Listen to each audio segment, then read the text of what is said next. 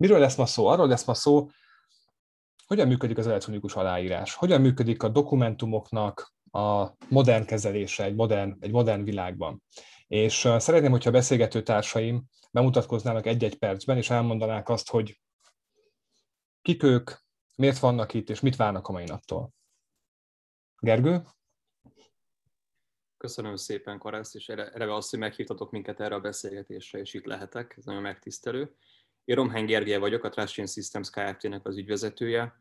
Jogi technológiai fejlesztéssel foglalkozom én magam is, illetve foglalkozik cégünk is, és ennek kapcsán ugye az e-aláírásokkal foglalkozunk nagy mértékben. Amit én várok ettől a mai beszélgetéstől, az egyrészt, hogy megtaláljuk az e-aláírások bölcsekkövét, és közösen áthagyjuk azt a gordiuszi csomót, ami a különböző megoldások között gabajodik. Úgyhogy én ezt várom ettől a mai beszélgetéstől. Köszönöm. Imre? Üdvözlök mindenkit. Én Tőzsér Imre vagyok, a Cursor Insight-nak az e-aláírás üzletágvezetője. A cégünkről azt érdemes tudni, hogy mi szállítottuk az OTP bank minden fiókjában most már két millió ember által használt megoldást, és ugye ennek készült egy dobozos verziója. Amit én várok tőle az az, hogy hasonlóan a Gergőhöz, tehát egyrészt érdemes a papírmentesítéssel foglalkozni, másrészt praktikusan ennek most már meg is vannak az eszköze, és remélem, hogy ezt majd minél többen így gondoljuk. Ámen, köszönöm szépen. Gyula, mesélj! Köszönöm szépen én is a meghívást. Én Bók Gyula vagyok, a Carol Kft-t képviselem. Mi fejlesztjük az Andok nevű terméket, ami egy dokumentum management szoftver, nagyon sok mindennel kiegészítve, különböző folyamatok támogatásával. 20 éve vagyunk itt a piacon, én magam 17 éve dolgozom itt várom azt, hogy mindenki, aki végighallgatja és kérdéseket tesz fel, az inspirálódik, és a, a jövőben elmozdul majd leginkább az elektronikus dokumentummenedzsment és elektronikus aláírások világa felé. Péter, mesélj magadról. Szervusztok, én köszönöm én is a meghívást, Homoki Péter vagyok, egy ügyvédirodában dolgozom, Homoki ügyvédiroda néven, és amért én is ugye meghívást kaptam meg, amiben szeretnék hozzájárulni ehhez, hogy már előbb emlegetett, és ugye hosszú-hosszú évek rám is igazak, hogy valamikor még egyetemben 98-ban kezdtem el ezzel a témával foglalkozni, de hál' Istennek aztán 2000-től, amióta jelölt, meg ügyvéd vagyok, ilyen témákkal tudok foglalkozni, és informatikai területen, és hát ezen belül is az egyik, mondjuk így, hogy legérdekesebb és legtartósabb érdeklődési irány, meg, meg amivel tudok foglalkozni is, az konkrétan elektronikus aláírás, illetve az írásbeliség témája. Kicsit megváltoztak a megnevezések, ugye, hogy 98-ban hogy hívták ezeket, meg most hogy hívják, de ahhoz képest, hogy mondjuk 20 évig nagyon kevés dolog történt ezen a területen, az utóbbi évben érezhetően nagyobb lett az igény, és úgy gondolom, hogy ezért érdemes időszerű erről beszélni, és én is kíváncsi vagyok a többiek által bemutatott megoldásokra, javaslatokra, hogy próbálom hozzátenni jogilag ehhez a saját észrevételemét, magyarázataimat. Köszönöm szépen a bemutatkozásokat. Alapvetően onnan szeretnénk elindulni, vagy onnan gondoltuk az elindulást, hogy ugye itt van több, többféle piaci szereplő, illetve van, és nem akarom ezt nagyon boxmatchként hasonlítani, hogy piros sarokban van a jogi oldal és a piaci oldal, tehát nem szeretném ennyire le le, le, le csupaszítani ezt a dolgot, de mégis szeretnénk egy olyan körképet adni majd a hallgatóságnak, hogy minden nézőpontból legyen megvizsgálva ez a kérdés. És szeretném, hogyha onnan indulnánk el, és Gyula most rád nézek ebben a tekintetben, hogy alapvetően dokumentum esetében, amikor a dokumentumoknak van egy áramlása, hogy az ott keletkezik, történik vele valami, ezt nyilván el fogom hogy micsoda, hol van szerepe a digitalizációnak, hol van szerepe az elektronikus aláírásnak egy ilyen rendszerben, és mit nyerünk vele, ahhoz képest, mint hogyha ezt mind-mind a jól bevált, több ezer éve papíralapú megoldást használnánk. Köszönöm szépen. Igen, kezdeném egy picit a, a múltban, mondjuk ott a 2000-es évek elején, amikor az a feladat ért minket, hogy világítsunk át egy nagy informatikai szolgáltatót, aki más nagy informatikai szolgáltatóktól vett igénybe különböző szolgáltatásokat, és az első meglepetés az az volt, hogy amikor kerestük, a, a, ez a T-Systems-nek az elődje volt, ez a másik nagy informatikai szolgáltató, hogy a vajon a velük kötött akkori értéken is több 10-100 millió körüli szerződés, az, az vajon hol van, mi alapján fizetünk ki különböző számlákat, teljesítünk, akkor az volt a válasz, hogy hát nem, nem tudják, nem, nem találják. Hát akkor még nyomasa volt elektronikus dokumentum menedzsmentnek, nem találták meg a, a papír alapú szerződést. Hát semmi gond, hívjuk fel akkor a, a partnert, kérjük el tőle, legyen meg nálunk is És a T-Systems akkori elődje azt mondta, hogy ő nagyon sajnálja, de ő sem találja, nincs meg.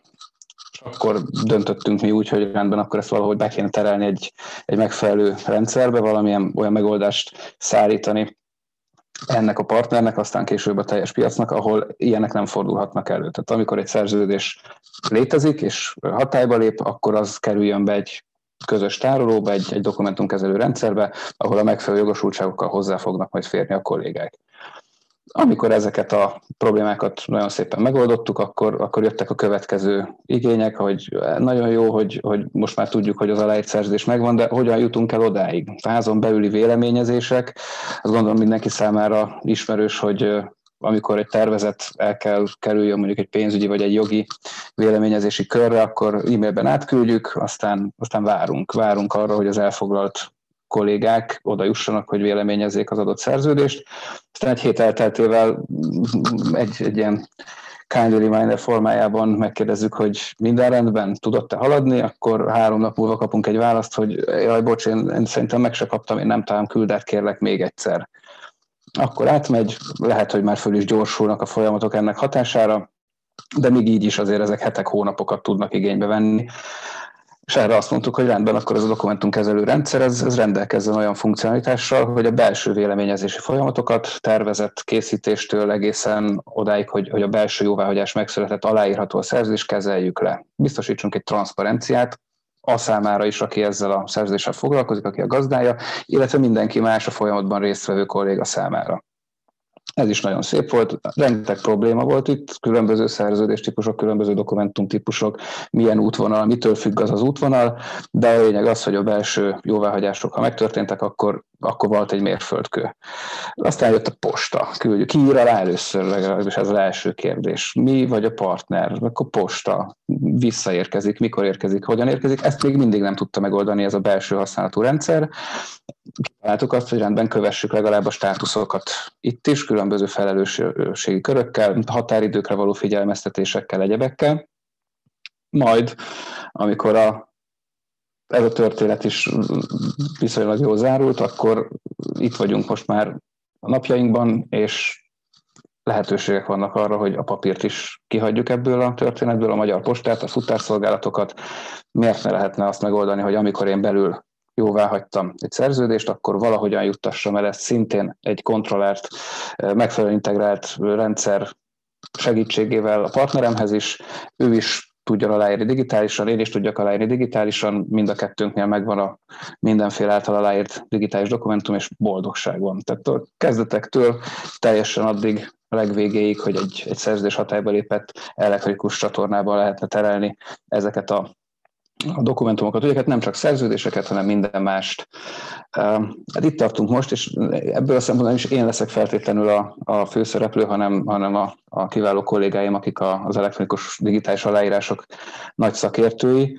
A dokumentummenedzsment rendszernek én azt gondolom, hogy megfelelően kell tudni kommunikálni, megfelelően kell tudni kiszolgálni azokat az igényeket, hogy a megfelelő formában, megfelelő módon jusson el mindenkihez az a dokumentum, amire szükség van. És aztán persze ezeket tárolja, kereshető legyen megfelelő jogosultságok mentén. Én ezt gondolom a saját részemről, ebben a témában fogok tudni kérdésekre válaszolni, illetve támogatni a kollégákat mindenben. Nagyon gyors eldöntendő kérdés, hogy igen és nem válaszsal. Ma már egyszerű elektronikusan aláírni szerinted egy dokumentummenedzsment rendszerben? Kétfelé bontanám. Egyrészt igen, házon belül nagyon egyszerű, és a megfelelő szolgáltatások, egyéb szolgáltatások kiválasztásával ez kiterjeszthető a vállalaton kívülre, vagy az adott szervezeten kívülre is. Pontosan ezért van itt a két másik kollégánk. Én azt mondom, hogy igen, egyszerű. Most megosztanék egy szlájdot. Meséljetek erről, kérlek. Mit látunk? Tehát itt van egy, van egy nagyon fontos összehasonlítás a papírhoz képest. Megpróbáltuk ugye itt összefoglalni, hogy milyen üzleti hasznokkal jár a papírmentesítés. Itt ugye látszik, hogy amit én szoktam tapasztalni, és sokan ugye addig jutnak, hogy az anyagköltség, ami nem túl magas, és ugye ezzel sokszor le is zárul itt a gondolkozás, hogy igazán akkor nincs sok minden, amit ezzel kezdeni lehetne. Ami egyfő igaz, tehát olcsó ez a költség, másfél nekem így személyesen dühítő is, mert ez azt jelzi, hogy azért elég könnyű környezetet szennyezni. A papírgyártás az a egyik legszennyezőbb iparág, ahol az újrahasznosítás, legalábbis az irodai papírok terén azért egyáltalán nem jellemző. De ugye ez a része valóban nem olyan drága. Ugye ezek ilyen példákat jelentünk. Ami a nagyon jelentős költségehez képest, az a munkaerő. Itt, hogyha egy ilyen nagyon motivált és nagyon olcsó munkaerővel számolunk, és ugye nézzük azt, hogy csak kinyomtatja és lefűzi, mert akkor is, hogyha ezt ugye kiszámolgatjuk egyszer, az már egy ilyen 70 forint, 100 forint nagyságrend, és itt ugye nem arról beszélünk, hogy egy ügyvéd vagy egy orvos fűzegeti a papírokat, ami így sokszor meg szokott történni. Ugye, hogyha ezt rögzíteni is kell, aláírjuk a papírokat, akkor kapásból ugye ez egy még nagyobb költség, és itt továbbra is ugye ez az alacsony, vagy ez a, ez a viszonylag magasnak tűnő költség úgy jön ki, hogy egy nagyon hatékony és továbbra is olcsó kolléga csinálja. Tehát ugye ezekkel már el szoktak fejteni számolni a cégek. És ugye ehhez jön hozzá az, hogy a papírt azt tárolni kell, szállítani kell, vissza kell keresni, ez ugye csak egy nagyon kevés papírra jellemző, de ott ez a költség azért jelentős, és akkor ne Isten, hogyha elveszik, akkor ugye további költségei vannak. Most ez nyilván így cégek válogatja, hogy melyikre mi vonatkozik, de ezek az közül azért több, vagy akár ne Isten mind is felszokott.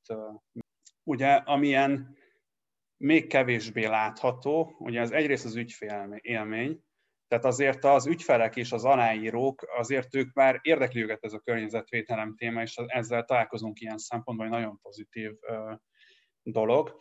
És ugyanakkor most így azon a érdekes ponton vagyunk, ahol az ügyfelek már így értik, hogy mi az, hogy papírmentes, értik mi azt, hogy, hogy papírmentesítés, és ez, de még akkor is egy pozitívumot ad, mert sajnos nincs ugye ez elterjedve. És akkor jön ugye az utolsó, és talán sokaknak így a legfontosabb rész, ugye ez az értékesítés. Ugye, ugye a Gyula is említette, a postázgatás, stb. Ugye attól rosszabb nincs egy értékesítésből, hogyha meg kell szakítani a folyamatot, és vissza kell a központba küldeni valamit jóváhagyásra, kalkulációra, bármire. Ugye ez egy ilyen megoldással gyakorlatilag egy klikre és azonnalira gyorsul, ami ugye az ügyfél kiszolgálást ilyen szempontból teljesen radikálisan felgyorsítja, nem kell annyiszor találkozni, tehát ez önmagában olyan dolog szokott lenni, amikor így már ez indokolja a bevezetést. Összefoglalva elmondható, hogy egy korszerű megoldás, ami környezetkímélő, egy hete volt pont a Földnap, és pont nagyon komoly matakokat végeztünk azzal kapcsolatban, hogy mennyi víz, energia, nem tudom, gyakorlatilag Budapest teljes vízkészletét háromszor elhasználjuk csak arra, hogy mindenféle papírt nyomtassunk, majd elrakjuk örök élet meg egy napig, vagy amíg az archiválási rendelet elvárja tőlünk. Tehát gyakorlatilag egy jövőbe mutató megoldás, ami, és ezt többször beszéltük, Gergő, főleg veled erről a témáról, hogy ez nem egy akkora innováció már, hogy léteznek ezek az elektronikus aláírások, mert önmagában a technológia az egy, mennyi, nálunk régebbi technológia? Azért nálunk nem feltétlenül öregebb egyébként, azért mondjuk a PK technológia azért közel 20 éve létezik. Ugye Imre nagyon jól felvázolta az, hogy mégis milyen üzleti logika, milyen üzleti működés generált az, hogy ezek a digitalizációs, digitális transformációs megoldások kialakuljanak, és mennyire fontos a papírmentesítés, és az, hogy mennyi időt, energiát tudnak cégek meg egyébként csak egy magánéletünkből megspórolni azzal, hogy nem papír alapon menedzselünk folyamatokat, és azáltal, hogy a papírt el tesszük, innentől fogva az egész folyamat ugye digitálissá válik, és földrajzilag kötetlenné is tud válni, vagy fizikailag kötetlenné is tud válni az, hogy egy ilyen folyamatot hogyan menedzselünk le. És ez a, az a technológiai kérdés része, hogy milyen szoftvert használunk a dokumentumoknak a tárolására, menedzselésre, a dokumentumkezelésre. Jön a, jön a másik kérdés, ugye hát korábban ezért sok ezer éves folyamatok alakították ki azt, hogy mit, hogyan, mikor, miért írunk alá, milyen egyéb garanciális attribútumok vannak egy, egy személyes aláírás esetén, ugye a személyes meggyőződésünk a másik félnek a kilétéről, az időpontról, a helyszínről, hogy hol, mikor és mit írunk alá, és ugye ezek az attribútumok a digitális világban teljesen átalakulnak, másképp kell biztonságot adnunk az ilyen folyamatoknak. És hogy szoktunk beszélgetni Imrével sokat róla, ugye mi amúgy is dolgozzunk együtt, nagyon érdekes kérdés az a terület, hogy mikor és milyen elektronikus aláírás kell használni, hogyha már egyébként az úgy döntünk, hogy papírmentesítünk egy szerződéskötési folyamatot, mert így jön be a jogi kérdés, a jogi technológiai kérdés, hogy akkor ugye milyen elektronikus aláírások vannak, és akkor mégis hogyan fog aláírás kerülni arra a már digitális dokumentumra. Mi alapvetően minősített elektronikus aláírásokkal foglalkozunk, ezért nagyjából ebbe a területről tudok én is példákat hozni. Klasszikusan azokat az eseteket kell idevenni, amikor nagyjából három tényezőt kell mérlegelni minden esetben, a jogi, a jogi kockázatot, üzleti kockázatot, illetőleg azt, hogy van-e valami jogszabályi elvárás a dokumentummal szemben, az aláírással szemben, és ezeket mérlegelve lehet kiválasztani a megfelelő elektronikus aláírást. Ugye a minősítettet akkor szoktak javasolni, vagy akkor szokás javasolni, amikor még egy cégjogi, társaságjogi dokumentumról van szó, vagy olyan szerződésről van szó dokumentum, hogy teljes bizonyítani magánokiratba kell foglalni. Ezek azok a klasszikus esetek, amikor, vagy egyébként magas jogi, magas üzleti kockázattal jár egy dokumentum, amikor célszerű lehet minősített elektronikus aláírást használni, vagy amikor egyébként nem tudunk valamilyen fizikai lokáción találkozni, és más módon digitalizálni az aláírásunkat. És ez már sokkal inkább Ibrének a területe, úgyhogy tovább is adnám ebből a szempontból a slide szót. Nézzük meg először, hogy az ötletadó termék, ami a banknál működik, hogy néz ki. Ugye ők mondják el, hogy nekik, mint bank, meg az ő ügyfeleiknek ez mit jelent egy rövid videóban.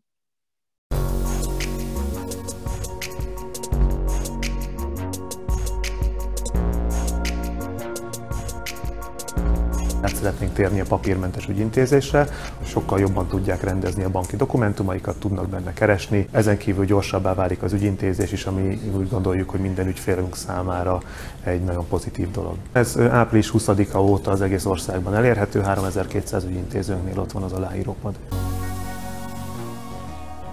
Ez gyakorlatilag úgy néz ki, mint egy tablet, vagy mint egy laptopnak a képernyője, ezen az aláíró padon jelenik meg a dokumentum, ugyanúgy, mint egy papíros dokumentum, lehet a tollal mozgatni a dokumentumot le föl, hogy végig tudja olvasni, rá tud kattintani az aláírásra, akkor kinagyításra kerül az aláírásmező, ott megteszi az aláírását pontosan ugyanúgy, mint egy, egy papíron, a kezét ráteheti akár a, a felületre, hiszen azt nem érzékeli, csak a tollat érzékeli, és aláírja az egyik fő pont, amit elmond, az az, hogy ugye náluk is ezek az előnyök miatt, ugye egy, egy ilyen bankban, akinek 4000 ügyintéző, meg még 2000-en a háttérben használnak egy ilyen rendszert, ott ez a munkaerő megtakarítás óriási.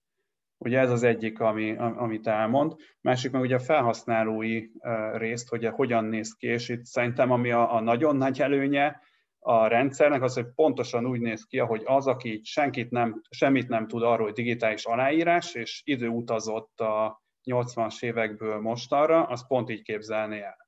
Tehát meg lehet jeleníteni egy tableten a dokumentumot, lehet lapozgatni, be lehet pipálgatni, ott ugye nem tudom, adatkezelést elfogadom, vagy amit ugye megjelöl ott a dokumentumban a, a bank ebbe az esetben, és aztán pedig ugye aláírja, az illető ezt a, a, a dokumentumot, és ugye az egész folyamat itt véget ért, és ugye ebben a pillanatban megkapta ezt a dokumentumot, és a bank is már azt csinál vele, amit ugye kell, hogy tegyen.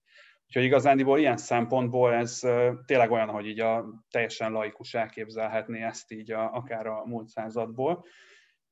És tényleg nagyon sommásítva a jogi részét, így nagyjából ez is történik a háttérben uh, igazán csak így gyorsan végigmenve rajta. Tehát ugye a, ami a kulcslépés, hogy a dokumentum ugyanúgy áll elő, ahogy eddig, ugyanazokkal a rendszerekkel, és akkor utána a nyomtatás helyett gyakorlatilag egy elektronikusan aláír gombra kattintunk, és onnantól kezdve ugye ellátjuk a biztonsági elemekkel, eltesszük, és, és véget is ért a folyamat, ugyanazokat a rendszereket használva és ugye ennek egy nagyon könnyen használható verzióját fejlesztettük ki, ami ugye ennek a minimumát tudja. És ugye ebből látszik is az, hogy áttérve erre az oldalra, amit látszik a háttérbe, hogy mikor érdemes ezt használni, mert nyilván így mind a két megoldás jól működik. Itt ugye azért a tömeges a kulcs szó, ami azért egy ilyen százas nagyságrendet jelent, és általában ezek a cégek, ahogy ugye az Eléna Gyula is mondta, azért már így komoly gondolkozást tettek bele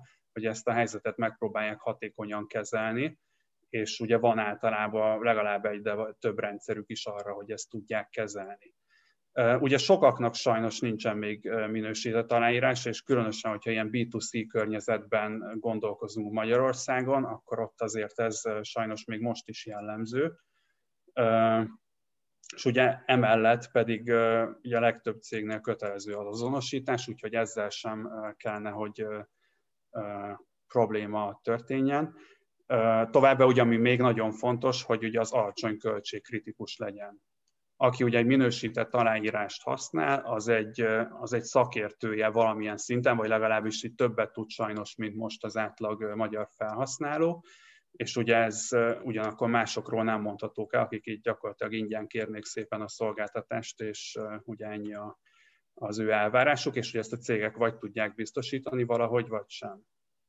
Álnaív kérdésem lenne Imre és Gergő hozzád, hogy a két rendszer kombinálható? Nézzük tovább. Alapvetően igen, tehát hogy ugye sokan azt gondolják, hogy így meg jellemző sajnos ez a gondolkozás, hogy a kalapácsnak minden szög, és mindenre jó a megoldás, ami persze elméletben így valamennyire még igaz is, de praktikusan nyilván nem. Um, és kombinálható megoldás, igen, sőt, sokszor ez praktikus is. Tehát, hogy ugye nagyon egy jól meghatározható eset, például, hogy ügyvezető vagy valami vezető aláír egy dokumentumot, ami aztán eljut az ügyfélhez. Ugye az ügyvezető használhatja a minősített aláírását, valószínűleg neki ez jóval kényelmesebb, Ugye az ügyfélnek pedig nincs ilyenje, ő neki a tableton aláírja a megoldást a fiókban például, és ugye ilyen megoldást tud adni. És ugye a jó dolog, amivel szerintem egyetértünk talán, hogy azért a kettővel együtt gyakorlatilag le lehet fedni azért a praktikusan felmerülő ilyen use case a nagy részét. Ez így van, teljesen egyetértek veled. Ugye vannak olyan teljes mértékben életszerű helyzetek, hogy mikor, hol tudunk valamilyen ügyletet véghez vinni. Ugye az ügyvezető úton van, nincs benne az irodában, akkor neki a telefonjához, a személyéhez kötődő aláírásra van szüksége.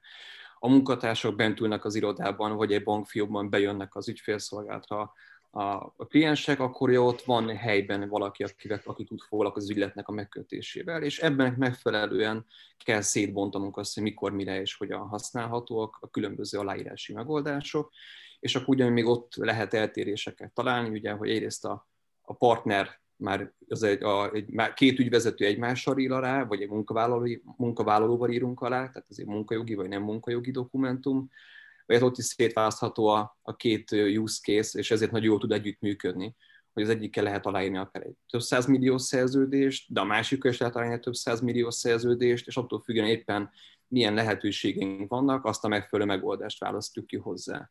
Igazából az, ez a két megoldás, amit az Imrék adnak meg, amit mi is foglalkozunk, tud egy nagyon jó olyan kombinációt adni, ami minden létező üzleti ügyfél igényt, use case-t tud fedni.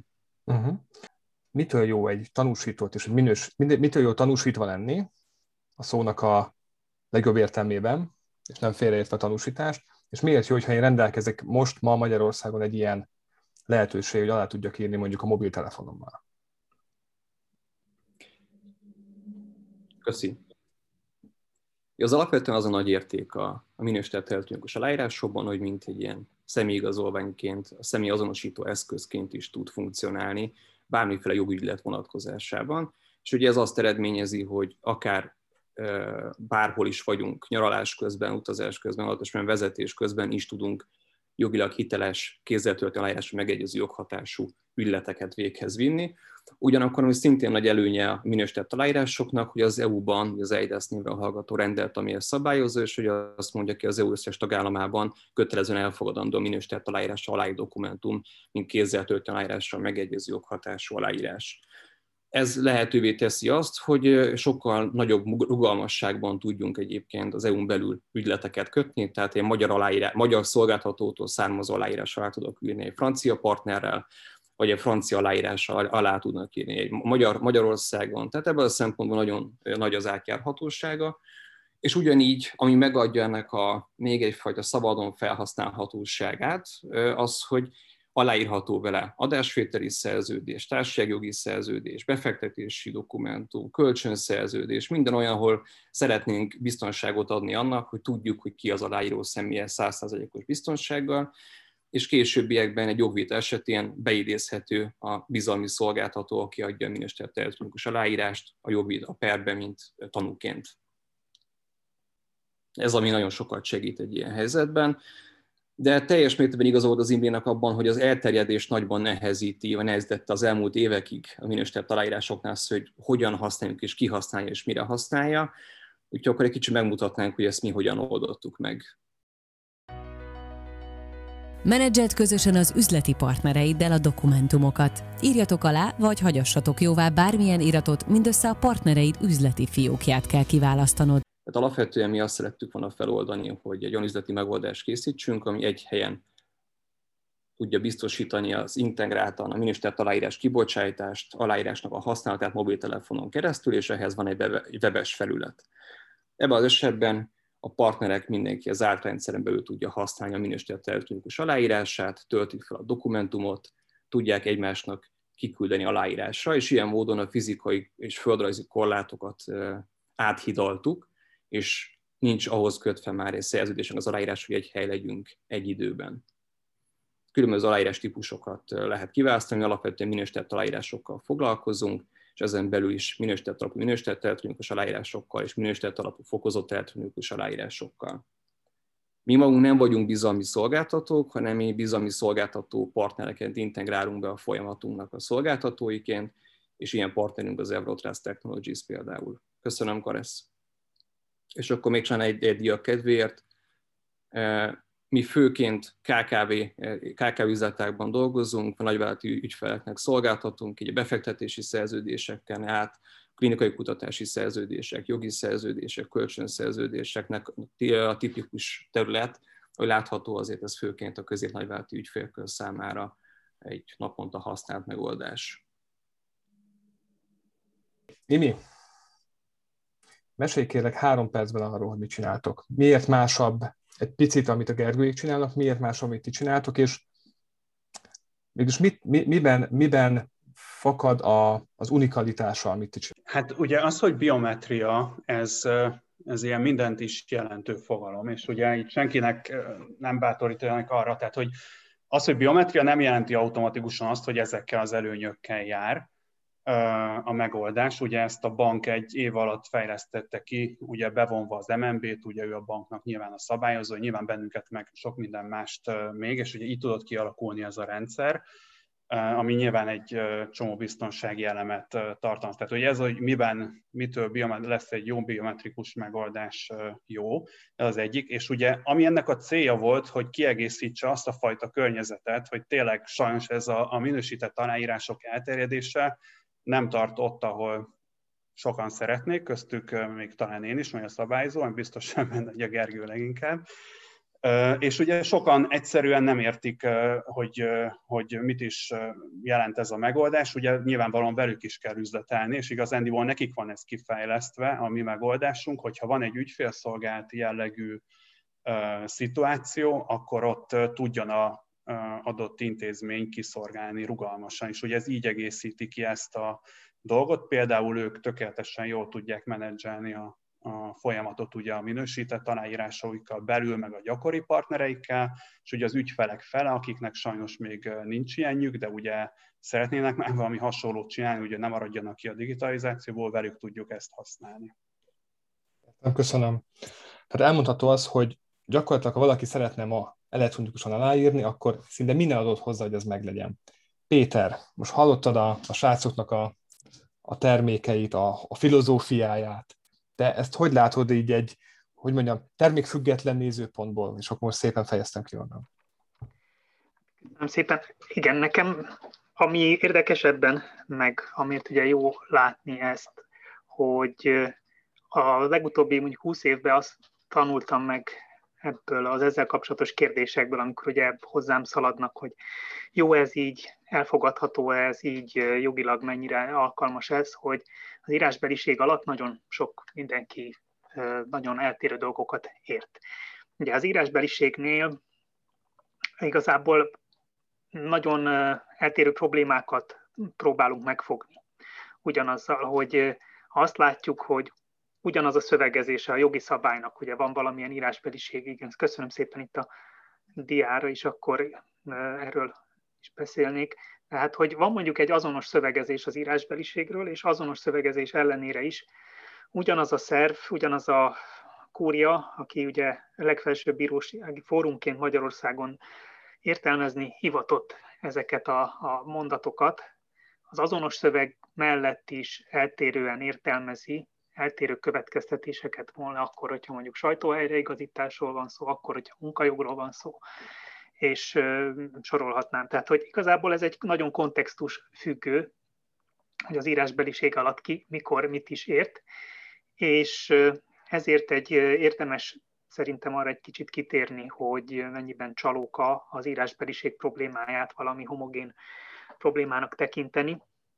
Mert ugye ha valaki megoldást szállít, vagy megoldást akar értékelni, akkor ő neki mondjuk így, hogy a, ebből a szempontból ugyanannak tűnik, ugyanaz a, a, a szövegezés, akkor ugyanúgy kellene értékelni, és ugyanazok, hát számítani kell, próbálnak ugye mindenki hagyatkozni valamennyire, hogy mi az a eddigi gyakorlat, mi az az értelmezés, ami meghatározza mondjuk a termékfejlesztést, vagy a termékek elfogadhatóságát, alkalmazhatóságát.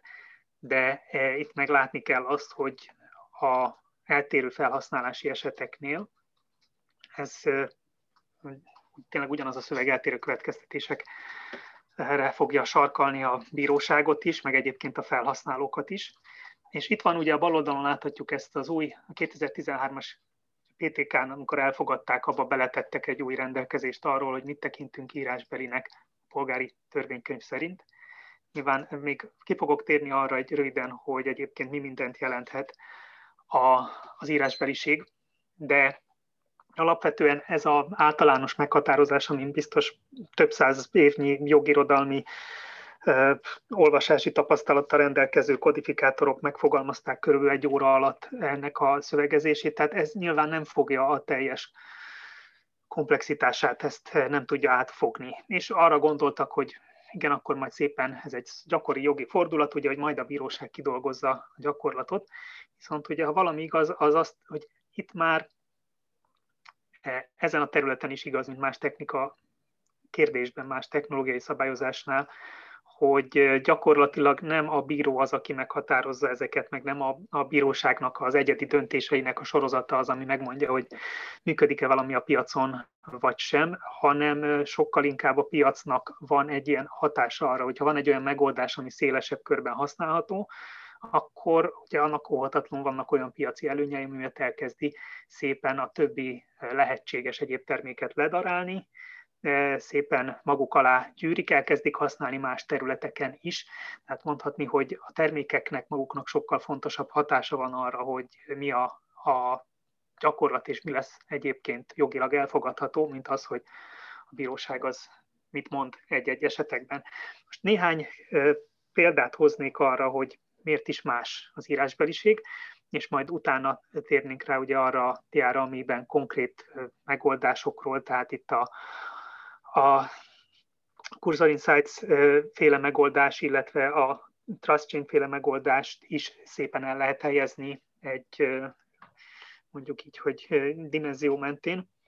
Tehát jogilag a, előbb ugye, amit idéztem, a PTK-nak az írásbeliség meghatározása, az alapvetően elsődlegesen azt a célt szolgálná, hogy valamilyen úgynevezett alakisági követelményt azt megfogalmazzon, és ennek az alakisági követelménynek a megítélésénél adjon támpontokat a bíráknak. E, korábban ugye nem volt ilyen támpont, korábban volt az, hogy néhány technikát felsoroltak, hogy mondjuk a távképíró az írásbelinek minősül egyébként, meg a távirat, e, meg a fax, de nem minősül írásbelinek, nem mondtak ilyen írásbeliségre vonatkozó kijelentést más konkrét technikák esetén is. Hát ezt gondolták feloldani ezzel az általános szabályal, amit az előbb ugye láttunk. Csak lássuk itt is, hogy igazából az, hogy írásbeliség követelményt megfogalmaznak mondjuk egy szerződéssel kapcsolatosan, az egy bíró úgyis az alapján fogja eldönteni, hogy mi annak a jogkövetkezménye, ha egyrésztről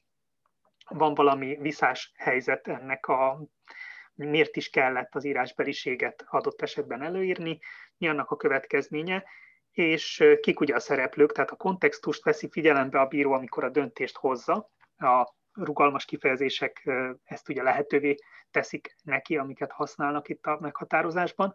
Ha egy pénzintézetet nézünk, ott ugye a hitelintézeti törvény előír, bocsánat, még menjünk vissza, igen, ezt köszönöm. Egy pénzintézet nek előírja azt a hitelintézeti törvény, hogy írásban kell megfogalmazni pénzügyi szolgáltatásra vonatkozó a szerződést írásba kell foglalni, de hogyha ezt nem teljesíti a pénzügyi szolgáltató, akkor erre megmond már maga ez a hitelintézeti törvény egy önálló jogkövetkezmény, mégpedig az, hogy a szerződés maga az továbbra is érvényes lesz, tehát nem arról van szó, mint ami általában lenne a szerződésnél az alaki következményeknek, alaki követelményeknek a megsértésének következménye, hanem azt mondja, hogy viszont szépen meg fogja bírságolni a felügyeleti szerv azt a pénzügyi szolgáltatót, aki nem tartotta be ezt a szabályt. Tehát nem feltétlenül lenne ebben a környezetben értelme annak, hogy mondjuk azt mondják, hogy egyébként érvénytelen a szerződés, abban az értelemben meg mondjuk tessék akkor a, a jegybanki alapkamat szerint számolni magánszemélyel szemben a kamatokat, és nem mondjuk a szerződésben leírt kamat szerint.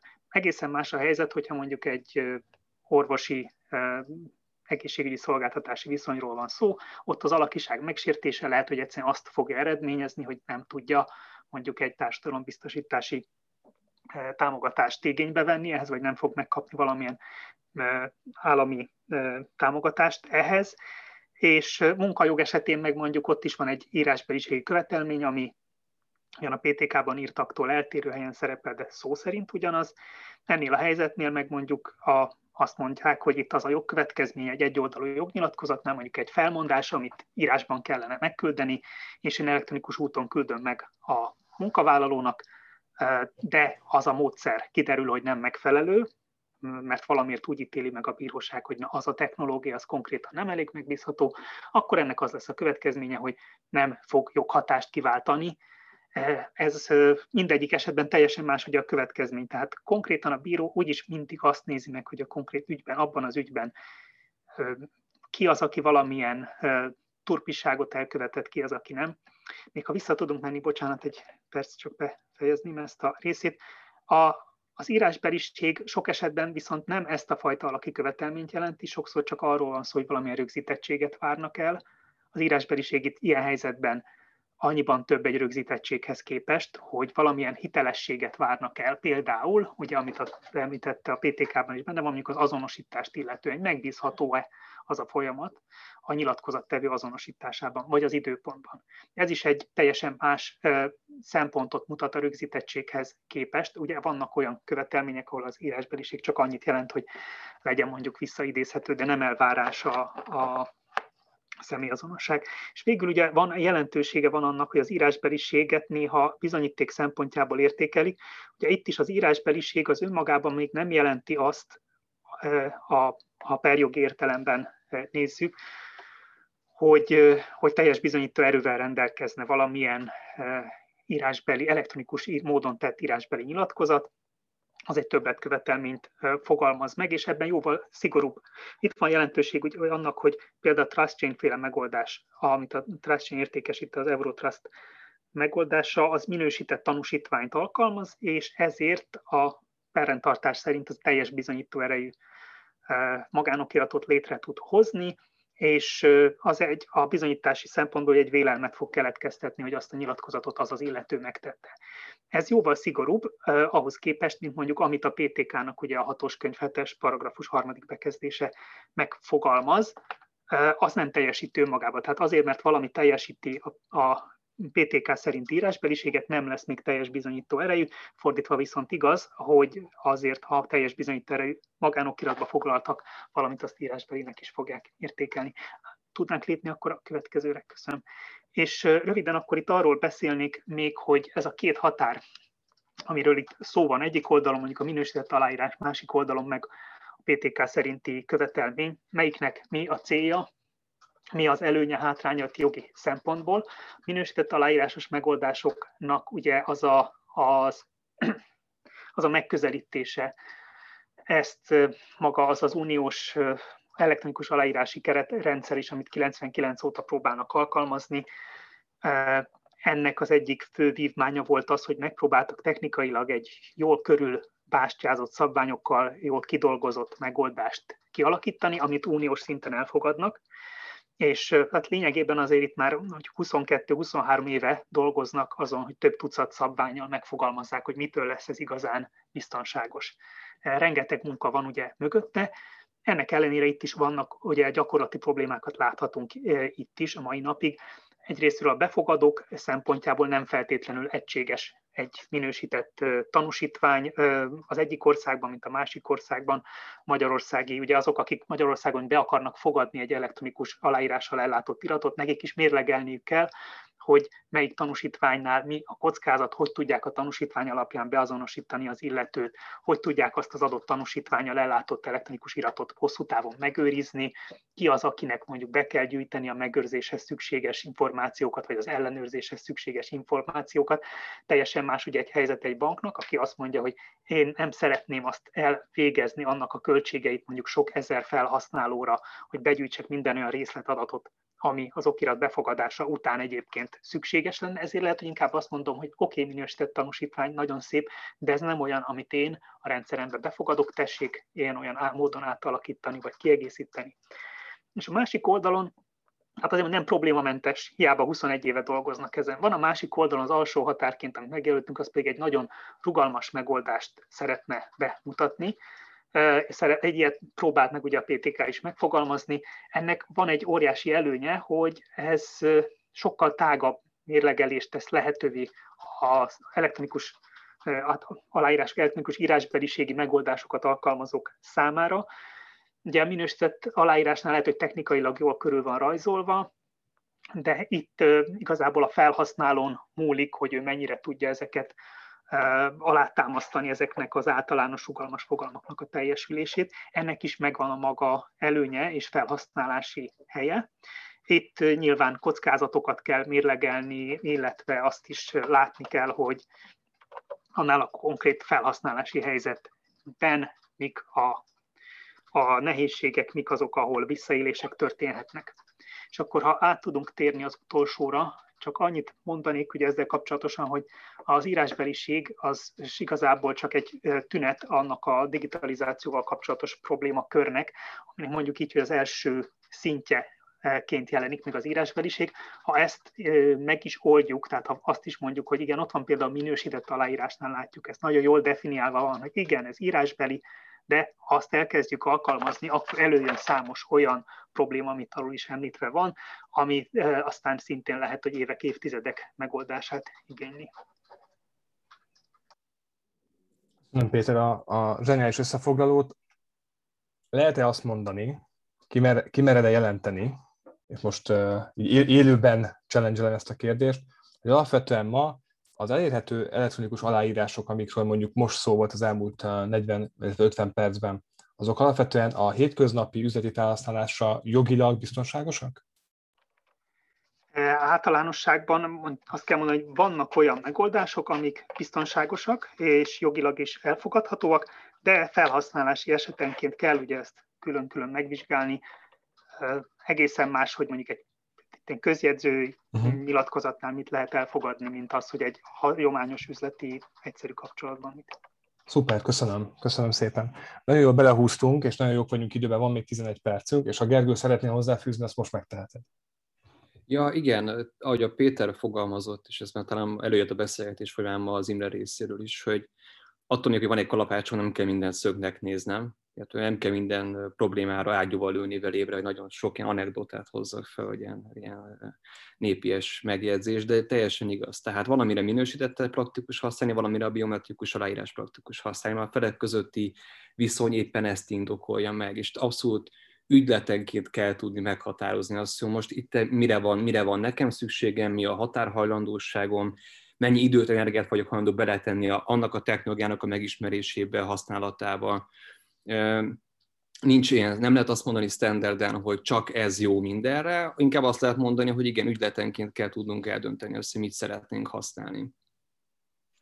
Ha megengeditek, én is hozzáfűznék egy gondolatot, és a lózungokkal kezdem én is, hogy ugye sajnos, hogy a gondolkozástól e, ez se mentesít, ugye nyilván nem tökéletes semmilyen megoldás, és ugye ne, lehet félre használni tudatlanságból vagy szándékosan mindent, de ugye egyrészt javíts ki, Péter, de ugye ezek a problémák mindegyik gyakorlatilag a papírt is érinti, és ugye technikailag még így is itt ilyen tehát elképzelhetetlen előnyök vannak ahhoz képest, hogy gyakorlatilag most ugye a eredetiséget, meg ugye a változatlanságot egy kattintással akárki magának tudja verifikálni, ugye ami papíron elképzelhetetlen. Vagy például a aláírás jogosultságot, ugye hogy ellenőrzünk most papíralapon. Papíralapon megkapjuk az aláír dokumentumot, akkor belé csatoltatjuk az aláírási címpéldányt, ugye közben ellenőrizzük a cégjegyzében azt, hogy adott személynek érvényesen még az aláírás jogosultsága a cég képviseletében, hogyha ez digitálisan történik, akkor ez teljesen automatizálható. Tehát ezt például mi is így csináljuk, hiszen adatok szintjén már lekérdezhető az, hogy kinek milyen aláírása van, ő a cégben aláíró ezeket össze lehet vezetni, hogyha nem papíralapon történik ugyanúgy, hogy mondod Imre, a papír alapon ugyanúgy előjönnek azok a kérdések, hogy most akkor egy ingatlanadásvételi szerződéssel ugye ügyvédhez megyek ellenjegyzésre. Van olyan papír alapú szerződés, amit gazdakérdbe kell foglaltatni. De egy 5 millió szerződést is felmerül a kérdés, hogy most akkor ez ügyvédhez forduljak, és előtte írjuk alá, és legyen egy ügyvédi ellenjegyzés, okirat szerkesztés hozzá, mert én ebben bízok meg, mint, mint biztonságot adó ö, szereplőben, és egy harmadik szereplőben, aki ad az egésznek egy hitelességet, vagy sem. Tehát ez, ezek a kérdések ugyanúgy előjönnek a papíralapú világnál is, ugyanakkor digitálisan sokkal könnyebben, gyorsabban tudjuk lemenedzselni legalább ezeket a, hogy is mondjam, ezeket a hitelességet adó szereplőket. Igen. Köszönöm a kiegészítéseket. Még terveztünk egy blokkot, de látszik, hogy nagyon bele, belehevültünk a dolgokban. Jött egy nagyon izgalmas kérdés a, a Gyulához, Mégpedig a kérdés a következő, hogy sok olyan eset van, amikor a jogászunknak csak igazából meg kell nézni a dokumentumot és jóvá hagynia, viszont aláírnia nem. Hogy ez igazából egy dokumentummenedzsment rendszerben ez hogyan lehet uh, lemenedzselni, hogy néz ki egy aláírási folyamatban egy ilyen, egy ilyen megoldás? Um, itt, itt is megint két, két dolgot vélek felfedezni. Az egyik, hogyha a jogász hozzáfér a belső dokumentummenedzsment rendszerhez, akkor, akkor ott nem szükséges, hogy ő aláírásokat helyezzen el, magába a folyamatban beépíthető a jogi, jogi jóváhagyás, ő megnézi a dokumentumot, és ott egy belső jelzéssel, pecséttel, bármivel, ami nem biometrikus vagy, vagy éppen minősített digitális aláírás jelezheti, hogy ő ezt, ezt az ellenőrzést megtette. A másik eset, amikor ő nem lép be ebbe a rendszerbe, akkor az, az a megoldás szokott lenni, hogy egy automatikus e-mail értesítésben a rendszerből ki tudjuk küldeni az ő e-mailjére, aztán majd a kollégák itt biztos hűmögnek és csúnyán néznek, de kiküldjük az ő e-mail címére, ő ezt feldolgozza, és egy, egy e-mail válaszban küldi azt, hogy, hogy rendben, nem rendben bármi, ezt pedig automatikusan fel tudja dolgozni, ami dokumentumkezelő rendszerünk becsatolja azt a dokumentumot és azt a kommentet, amit e-mailben visszaküldött a jogász. Hogyha bármelyik másik alkalmazást be tudjuk ebbe vonni, és akkor itt kérdezem is, hogy, hogy, hogy mennyire valós az, hogy akár TrustChain-en keresztül, akár a Cursor Insight megoldásán keresztül kiküldünk egy ilyen dokumentumot, akkor oda aláírás felhasználása nélkül tud-e mondani valamit a jogász, hogy oké okay, vagy nem oké. Okay. Én egyébként azt gondolom, hogy igen, de ez az én sejtésem. Talán erről Gergővel beszéltünk már, hogy ez hogy lehet megoldani egy DMS-en belül, hogy ne csak a rendszeretekben lévő log legyen az, ami igazolja, hogy én, mint felhasználó aláírtam, hanem hogy legyen erről egy és hogy pontosan mi azt mondja, Gergő elmondja, mert én már olyan szavakat használok, ami azért nem értek. arra gondolsz, hogy ilyen audit trail report jelleggel legyen megjeleníthető az aláírásoknak a megtörténte, mikor azt, ki mit, hogyan, tört, hogyan csinált? Igen, anélkül, hogy ő cégjegyző vagy bármi hasonló lenne. Tehát, hogy ne csak egy rendszer log legyen, hogy uh-huh. porkaroljuk, nem tudom, egy kettő ráklikkált, mert a porkaroljuk kettő lehet a kollégám is, csak tudta a useremet, hogy valamilyen típusú autentikáció, hogy mégiscsak a jogásznak a kézjegye van rajta, mert ugye a klasszikusan ez hogy működött, hogy fogtad az A3-ast, összecsattintottad, elmentél a jogászhoz, aláírt a kézzel, elmentem a pénzügyhöz, aláírt a kézzel, és láttam, hogy ő írt alá. Persze, a különböző megoldások vannak nálunk is, meg egyébként más rendszerekben, hogy az egyik az azt eleve egy majd audit reportot mellé teszünk az aláír dokumentumnak, hogy kik voltak a jóváhagyók a folyamatban bevonva, és akár egy jóváhagyási tranzakciót is hozzátett, melyik e-mail címmel, melyik felhasználó milyen névvel. A másik verzió az, hogy egyébként adott esetben ő is és aláírásra ellátja, mint kvázi kézjegyével, és akkor az ő aláírása is szerepelni fog a dokumentumon. Nem mint a ügyvédi ellenjegyzés, hanem az ügyvédként, mint az ő személyének a, a nevével, nevét tartalmazó uh-huh. aláírás és ilyen formában ugyanúgy működik, mint korábban. Tehát a, ott van a jóváhagyás, megbízhatunk a dokumentumban. Még egy kiegészítés, ugye, hogy itt, itt alapvetően azért arról beszélünk, hogy, hogy joghatást kiváltó aláírások kerüljenek ezekre a dokumentumokra. Egy ilyen esetben ugye nincs szükség arra, hogy ez joghatással bírjon. Tehát maga a dokumentumkezelő rendszer által saját belső szerveridőhöz kötött időpecséttel, ami nem minősített idő bélyeg, illetve az ott szereplő elfogadtam, jóvá hagytam, véleményezésre visszaküldtem egyéb típusú pecsétekkel, akár egy nem minősített tanúsítványnak a használatával, ahol ő azonosítja pluszban még egyszer magát, is elhelyezhető egy ilyen. Tehát ha ez kifelé nem fontos, hanem befelé kell, hogy fontos legyen szervezeten belül, akkor akkor ez egy dokumentumkezelőn belül is megoldható. Ennek ad egy nagyobb biztonságot, hogyha valamelyik, valamelyik szervezet, valamelyik kolléga által működtetett megoldást használjuk még. Szuper, köszönöm. Lenne egy kérdés Imihez. Ez egy nagyon jó kérdés.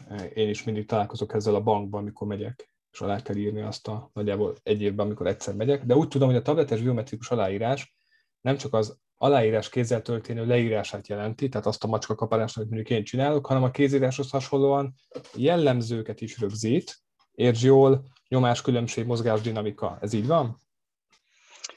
Uh, igen, uh, ugye megjelenik a dokumentumon a, aláírásnak a képe, de ami fontos, hogy ezek a mostani tabletek igazániból ugye ettől sokkal részletesebb adatokat vesznek föl, ami visszajátszható egyrészt, tehát ugye dinamikájába hogyan írtunk alá, másrészt meg ugye benne vannak ezek az adatok is, amit te mondtál, és ugye, hogyha minden kötél szakad, ugye nyilván ezek az audit adatok mellett, hogy mikor, hogyan, mit írtunk alá, ott lesz ez is, és ugye ezt írás szakértői vizsgálatra is alkalmas, ott a a videóban ezzel folytatódott volna, egy írás szakértő ezt elmondja, de igen.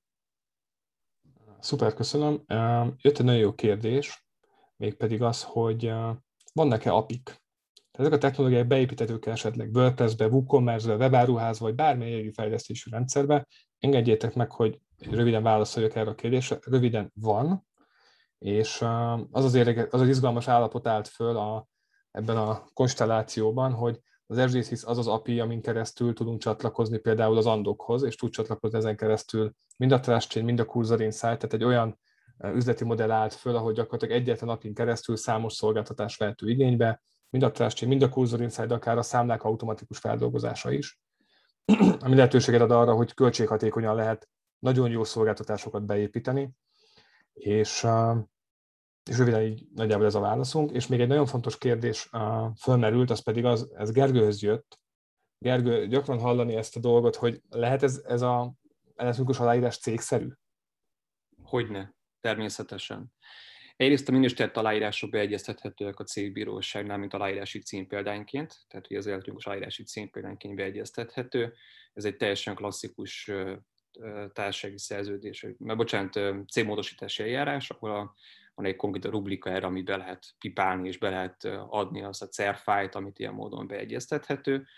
A másik az, hogy legutóbb jött ki az igazságminisztériumnak olyan állásfoglalása, mi szerint az elektronikus aláírást nem kell tartalmazza a cégnek a nevét tanúsítványként, attribútumként, és ettől függetlenül is már cégszerű válik az elektronikus aláírás a cég nevében, képviseletében tett jognyilatkozatként, hiszen a dokumentumnak a tartalmából kell kiderülnie annak, hogy én most Romhány Gergelyként a cég képviseletében írtam alá, és az én személyemhez kötődik az elektronikus aláírásom, tehát az, az én, mint Romhány Gergelynek a, a kézjegye, vagy az, a digitális kézjegye ilyen formában, ugyanígy a, a papíralpú, papíralpú világban is egyfajta módon tudunk aláírni, és az egyfajta módon lesz aláírás, az pedig a, a helyzet dönti el, hogy most akkor ez a cég képviseletében, vagy nem a cég képviseletében történt. Úgyhogy a válasz az egyértelműen igen, tehát a minősített aláírások azok beegyeztethetőek aláírási címpéldányként, és ilyen formában egyébként célszerű válik az elektronikus aláírás használata.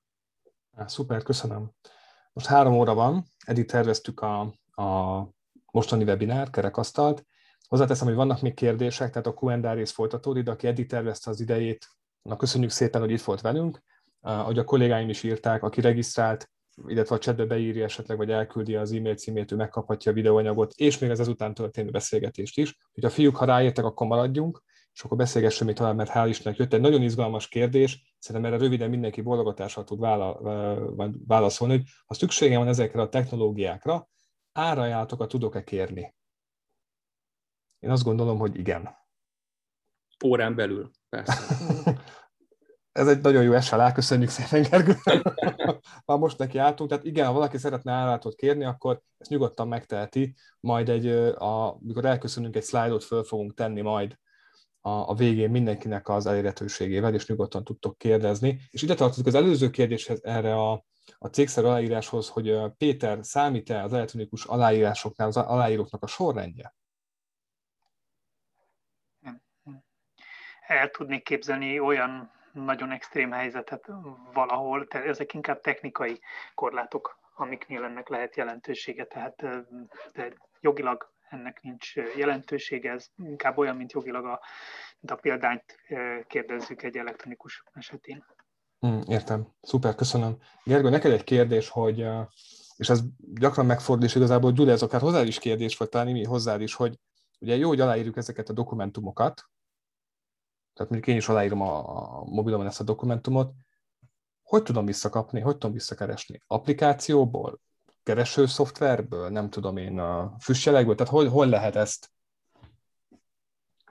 vissza, visszakeresni? Um, ugye a kereshetőség, egy elektronikus dokumentum teljesen automatikus, ez ugye a, itt jön a képbe a DMS plusz ugye nyilván a folyamatmenedzsmentnél, tehát hogy ez gyakorlatilag minden előnyel rendelkezik szinte kis túlzással még Google keresés, tehát hogy be lehet címkézni, és ugye minden modern technológia használható erre, tehát egy papírra összesen lehet hasonlítani, ugye gyakorlatilag azonnal eredmény az garantált szinte, hogyha ebben legkevésbé is gondosak vagyunk. Ugyanezt tudom elmondani. Ugye a minősített szolgáltatások abban egyediek, hogy itt van megőrzési kötelezettség a minősített szolgáltatónak, aki adja ugye az elektronikus aláírást. Ugye ez azért van, mert hogyha jogvita esetén, tehát mondjuk az aláírás követően 5 évvel, 10 évvel felmerül bármilyen szituáció, ahol neki bizonyítania kell azt, hogy kik voltak az aláírók, milyen azonosítási folyamatok mentek annak idén végve, neki a, a perben meg kell lennie, és neki vállalnia kell a, a letagadhatatlanság vélelmének ebből a szempontból a másik oldalát, hogy ő tudja garantálni az aláíró kilétét, úgyhogy neki van egyrészt egy, egy megőrzési kötelezettség az aláíró dokumentumokra, de ez nem jelenti azt, hogy azok kereshető lenne mondjuk akár az Eurotrustnak a szerverén, de jogvita esetén kikérhető. A mi rendszerünk is egyébként tárolja a dokumentumot, alapvetően lett, törlésig tároljuk a dokumentumot, de ez, ha nincsen törölve a dokumentum, akkor két év után automatikusan mi is töröljük a dokumentumokat hogyha ez egy meglévő rendszerbe van ugye beintegrálva, adott esetben az andokban, akkor az andokban lesznek felelhetők a dokumentumok a későbbiekben. Így van, pont ezzel akartam bekapcsolódni én is, hogy amennyiben itt egy dokumentumkezelővel integrált megoldás van, tehát valamilyen szervezeten belül működik ez a, ez a megoldás, akkor ott maga a dokumentumkezelő lesz az, aki ezt tárolja, és a megfelelő metadatokkal ellátva a későbbiekben a visszakeresést biztosítja. Szuper, tehát ha egyszer aláírtam, biztos, hogy meg lesz kimondhatjuk. Abszolút. Én annyit mondanék, hogy ugye mindenképp ezekbe együtt érdemes gondolkozni. Tehát ugye uh-huh. szerintem mind a, a, ugye a könnyű integráció szerintem mindenütt a cél, és hogy szerintem így bőven napon belül vagyunk mindannyian, és ugye a folyamatot maga meg például az Andok tudja nagyon jól uh, biztosítani. Ugye ki ki után hagy jóvá ír alá, stb., ami ugye fölmerültek párszor a kérdések között. Így van. Így van. Péter, ez jött még egy kérdés a beszkennelt, digitalizált, saját kezű aláírás egy dokumentumba más hitelesítés nélkül jogilag jó lehet-e valamire? Igen, jó, jogilag mindig jó lehet valamire, csak nem mindegy a paraméter. Az önmagában egy ilyen okirat nem fogja azt a bizonyítóerőt feltétlenül biztosítani, mint az eredeti papír alapúja. Vannak ugye erre vonatkozóan eljárások, meg részletes szabályok, hogy milyen esetben lehet egy papíralapú okirat átalakítása esetén arról beszélni, hogy megőrzi az eredetinek a bizonyító erejét. Ugye ennek akkor van jelentősége, amikor az eredeti az egy teljes bizonyító erejű nyilatkozat, mondjuk mint egy tartozás elismerő nyilatkozat, akkor ugye ennek az átalakítása nyilván van a garanciális feltételek eléggé részletesen meghatározott feltételek, hogy mikor fogja megőrizni ugyanazt a bizonyító erőt. És e, ez is ugyanaz a problémakör, amit a dia végén említettem, hogy mondjuk a harmadik feles igazolásokhoz hasonlóan kérdés, hogy ki hogy állítja e, ki. Tehát erre röviden e, azt mondanám, hogy valamire biztos, hogy jó lehet, de hogy ugyanazt a bizonyító erőt adja, mint az eredeti irat, ami ki lett nyomtatva, akkor ahhoz azért vannak speciális feltételek, ami ágazatonként eltérőek, figyelembe kell venni, tehát konkrét felhasználástól függ.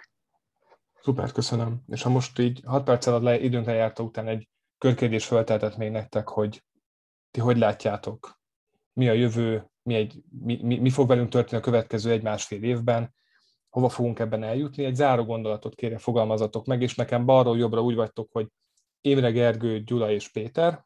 Így megyünk, akkor kérlek, akkor egy záró gondolattal zárjuk a mai napot. Én igazán azzal tudok zárni most, hogy ezzel mi várhatunk másfél év múlva, ezt azért ma nem olyan könnyű megmondani. Ugye különösen mostani helyzetben annyi látszik, hogy azért annyi pozitív van ez az egész mostani helyzetnek, hogy szerintem ez egy nagy lökést adott a digitalizációnak sok szempontból, úgyhogy én azt remélném, hogy ezen tudunk tovább menni, ugye, ahogy a kezdetben is mondtam, és többen ebben meglátják a, tényleg a praktikumot is, és ugye véghez is visszük ezt a dolgot. Köszönöm. Gergő?